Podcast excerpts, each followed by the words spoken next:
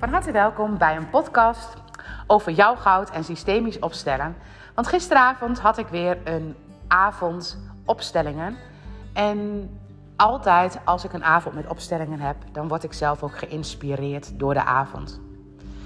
Nou, jouw goud en systemisch opstellen voor mensen die daar nog nooit zijn geweest. Uh, het is een absolute aanrader. Wij gaan dan altijd in een, uh, in een kring hulpvragen onderzoeken. En die hulpvragen, uh, daar meld je je van tevoren voor aan. Gisteravond waren er twee hulpvragen en die hulpvragen kunnen heel breed zijn. Gisteravond waren er twee moeders die wilden kijken naar iets waar ze bij hun kind tegenaan liepen. Maar het kan natuurlijk ook je relatie zijn, je werk zijn, je toekomst zijn, uh, je lichaam zijn. Alles kun je opstellen en je kunt kijken wat er in de energie in dat stukje gebeurt. Nou, gisteravond, en ja, eigenlijk gaat mijn hartje daarvan open. Gisteravond waren er twee opstellingen van moeders. Twee moeders die zorgen hebben om hun kinderen. En die heel graag met mij wilden onderzoeken hoe die energie in elkaar zit. En dat hebben we gedaan. En ik moet heel eerlijk zeggen dat ik weer onder de indruk was van de loyaliteit van een kind. En daar wil ik je heel graag in meenemen. Want wat was er gisteravond wat mij raakte? Nou, er waren meerdere dingen, dus er zullen meerdere podcasts gaan komen. Maar wat mij ook heel erg raakte was, er waren twee kinderen. En twee verschillende opstellingen. Kind 1 met faalangst, paniek, wantrouwen. Eigenlijk haar leven is ze de hele tijd wikken aan het wegen, niet in het nu durven staan, gewoon bang. En als je angst hebt, als je angst trilt, wat krijg je dan? Situaties waar je nog banger bijna van wordt. Dus als vanzelf ontstaan er situaties die daarmee meetrillen. Maar waar komt de angst vandaan? De andere situatie ging over een jongen die al heel veel ja, ongeluk heeft gehad in het leven. Weer een hersenschudding hier, een ongeluk daar, allemaal ongeluk. Maar waarom trilt deze jongen ongeluk? Kijkend naar jouw goud en systemisch opstellen. Je kunt het met allemaal manieren benaderen, maar dat wat jij trilt, dat komt naar je toe. Maar waarom trilt dat kind dat? En wat mij altijd opvalt bij kinderen, is dat kinderen, als ze dit soort dingen trillen, dat ze altijd iets trillen van het systeem.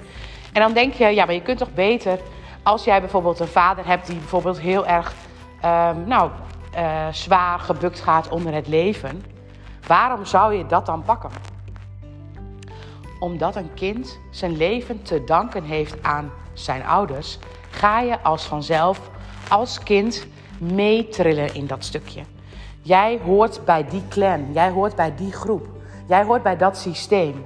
En dat systeem, dat moet gezond worden. En dat wat daar is, wat um, ja, wat negatief trilt, dan kunnen we wel zeggen van nou, dan moet je dat niet meenemen. Maar als vanzelf wordt dat meegenomen. Want waarom trilt dat stuk negatief? Nou, stel je voor, je kijkt naar een van deze twee rollen. Dat gaat over een vader die niet helemaal een vaderfiguur is. Deze vader die zit helemaal in een schuldpositie. Maar die zit in een schuldpositie omdat zijn vader ook schuld kent. En dat eigenlijk het systeem daarvoor ook een schuldgevoel heeft. En als jij zeg maar moet hangen in een schuld, als jij schuldig bent en ik tril dat, dan trillen mijn kinderen dat ook. En dan trillen ze dat gewoon het, de generaties door. En het enige wat je maar hoeft te kijken, het stukje van schuld onder ogen nemen of dat werkelijk waar is. Is er schuld? Nou, keken we naar deze situatie, dan was er bij de ouders van. Nou, dat is een beetje ingewikkeld. bij de overgrootopa, daar moet iets zijn geweest wat schuld trilt. En niet zozeer dat die schuld, zeg maar, dat ze schuldig zijn. Maar daar is iets geweest wat een imprinting had, wat heel veel, um, ja, wat schuld met zich meenam. En eigenlijk moet je het voorstellen dat als ik bijvoorbeeld in het oerwoud leef, als ik in mijn cellen kijk en ik kom daar een tijger of een leeuw tegen, in mijn cellen staat getrild dat als er een tijger of een leeuw komt, dat je dan moet vluchten. En eigenlijk heeft deze persoon in zijn cellen gegrift gekregen. Als je leeft, ben je schuldig. Want dat zit in het systeem. Je bent schuldig. Ook al voel je je onschuldig, je bent schuldig. Een soort, een soort lijden aan het leven. En ook dat wordt net als die leeuw waar je voor moet vechten, gebukt gaan onder, wordt meegenomen. Meegenomen in het systeem. Want eigenlijk is daar een soort wat niet klopt. En als vanzelf gaat iemand dat stukje oplossen. Dus in systemen vind je soms thema's, ook bijvoorbeeld thema's als zelfdoding, eh, thema's als depressiviteit. Daar zitten Germaanse geneeskunde helemaal gedachtegangen achter. Maar altijd zit er ergens een angel. Ergens zit er een thema waarnaar gekeken zou mogen worden. En in dit geval ook, deze jongen gaat gebukt onder schuld. En gaat gebukt ook onder ongeluk. Spanningen in zijn gezicht, in zijn aangezicht. En dat wat er in zijn leven gebeurt, kunnen wij loskoppelen. Maar het was weer zo helder te zien dat het niet los te koppelen viel. Het zat vast aan zijn familiesysteem. En hij had dat. En waarom dan bijvoorbeeld uh, een broertje of een zusje niet? Ja, dat zit helemaal in bepaalde systemen. Er zit een bepaalde nummering waarin de een het wel heeft en de ander het niet heeft. En weet je, wij hoeven ook niet in te vullen waarom de een wel, de ander niet. Het is wel zo dat het eigenlijk als het in het systeem zit, dat je dat ook in de weer systemen van de broertjes en zusjes ziet. Alleen dan misschien niet persoonlijk bij, deze persoon, bij die persoon. Nou, wat hebben we gedaan? We hebben gezien dat daar een schuldgevoel was. En we hebben daar eigenlijk de overlevingsstrategieën afgehaald. Want als jij schuldig bent, dan kun je gebukt gaan. Als jij angstig bent, dan kun je vluchten. Als jij ehm, heel boos bent, dan kun je altijd in de vechtstand gaan staan. Maar eigenlijk doe je dat omdat jij een dualiteit hebt. Dus eigenlijk, er komt nu een tijger naar mij toe. En die tijger, die wil ik verslaan. Dan kan ik niet relaxed op een stoeltje zitten. Ik moet aan het vechten gaan. Dus ik kan het een niet en ik kan het ander wel. En als je kijkt naar het schuldverhaal, hij kan niet anders dan zich schuldig voelen. Totdat het tegendeel bewezen is, want dat zit in zijn systeem. En als je dan het tegendeel bewijst, als je dat ziet, dan is het gelijk anders. Als ik zie dat die tijger helemaal niet eng is, kan ik gelijk op haar stoel blijven zitten.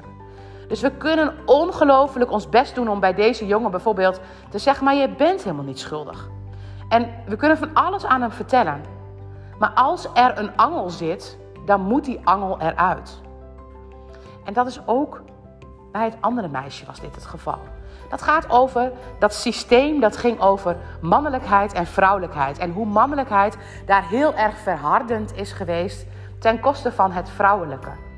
En ik geef je de kost. Als je zeg maar jaren geleden terugkijkt, in de tijdgeest is terug gaat kijken. Hoe mannen keihard moesten werken om ook maar iets van geld, brood op de plank te brengen.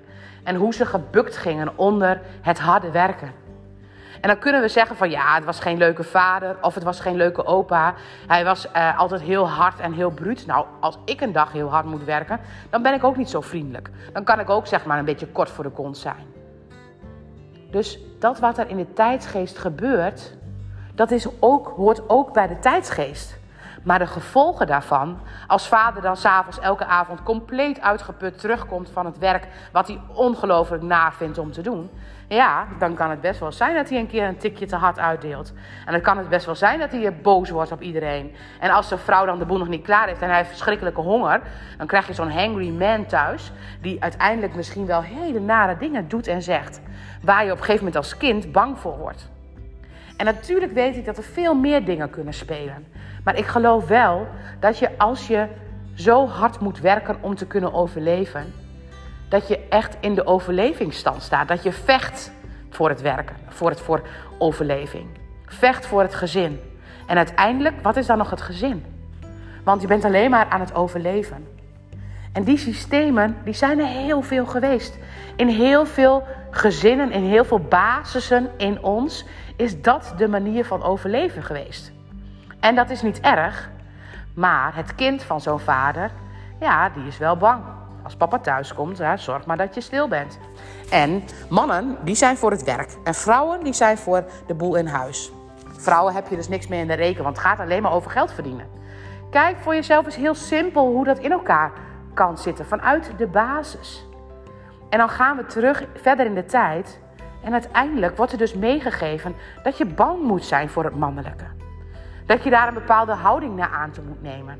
En dat je um, zo gauw als je in de buitenwereld bivakkeert, want het mannelijke hoort bij de buitenwereld. Dat je eigenlijk jezelf in een bepaalde houding moet zetten uit angst. En dat je dus eigenlijk alles in de buitenwereld angstig gaat vinden. En dat presteren, ja, moet, hoort het bij een meisje? Mag een meisje dat wel? Of hoort dat niet bij een meisje? En wil je dan meisje zijn of wil je juist graag heel mannelijk zijn? Allemaal thema's die meespelen. En in zo'n opstelling, dan zie je wat de gevolgen zijn van dat soort thema's. En dat is niet erg. Dat is niet schadelijk voor het systeem. Maar het geeft wel imprintingen. Imprintingen die goed zijn om te zien. Wij mogen in plaats van dat we dan gaan kijken van... Goh, weet je, die uh, overgrootopa of die opa... Dat was een akelige man, zeg. Jeetje, Mina, wat een dominante man. Maar we mogen ook met liefde kijken naar die man. Die keihard heeft gewerkt voor zijn systeem. En die uiteindelijk heeft gezorgd dat het systeem heeft overleefd. Want uiteindelijk praten wij nu met kleinkinderen. Oftewel, het systeem doet het nog. Er zijn nog voor nageslacht. Dus hij heeft keihard gewerkt om nageslacht um, te produceren. Dus in hoeverre moeten wij dan daar een oordeel op hebben? Ik denk dat we mogen kijken en mogen zien hoe dat in de tijdsgeest is gegaan. Ik, als wij dat nu zouden hebben, wat, wat gebeurt er dan bij jou? En hoe kom jij dan thuis als jij echt dag in dag uit een baan moet doen wat verschrikkelijk zwaar is, waar je weinig mee verdient, waar je net je gezin van kunt onderhouden. En dan is de vrouw alweer zwanger. Want dat is natuurlijk ook in die gezinnen gebeurd. Katholieke gezinnen die um, niet aan voorbehoedsmiddelen deden en uiteindelijk heel veel kinderen kregen. En je moet ze ook allemaal voeden.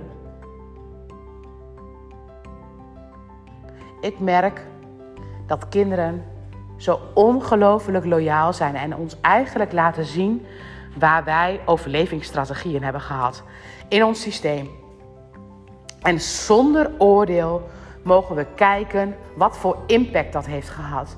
Dus wat die kwaaie vader voor impact heeft gehad op zijn kinderen. En wat die kinderen dan weer voor overlevingsstrategieën hebben gemaakt om weer te overleven bij zo'n vader. Om uiteindelijk dat systeem te begrijpen zonder oordeel. Met compassie. Maar wel ziend dat ik het anders zou willen doen. En dat ik het anders mag doen. En dat ik bepaalde overtuigingen die daar zitten mag gaan loslaten. Om uiteindelijk te leven in plaats van te overleven. En ik denk dat heel veel van onze voorouders hebben overleefd. En wat als wij door te kijken naar alle overlevingsstrategieën echt kunnen gaan leven? Het is eigenlijk de kunst. Wij zijn altijd bezig om niet dood te gaan. Maar wat als we gewoon zouden gaan leven? Dankjewel voor het luisteren.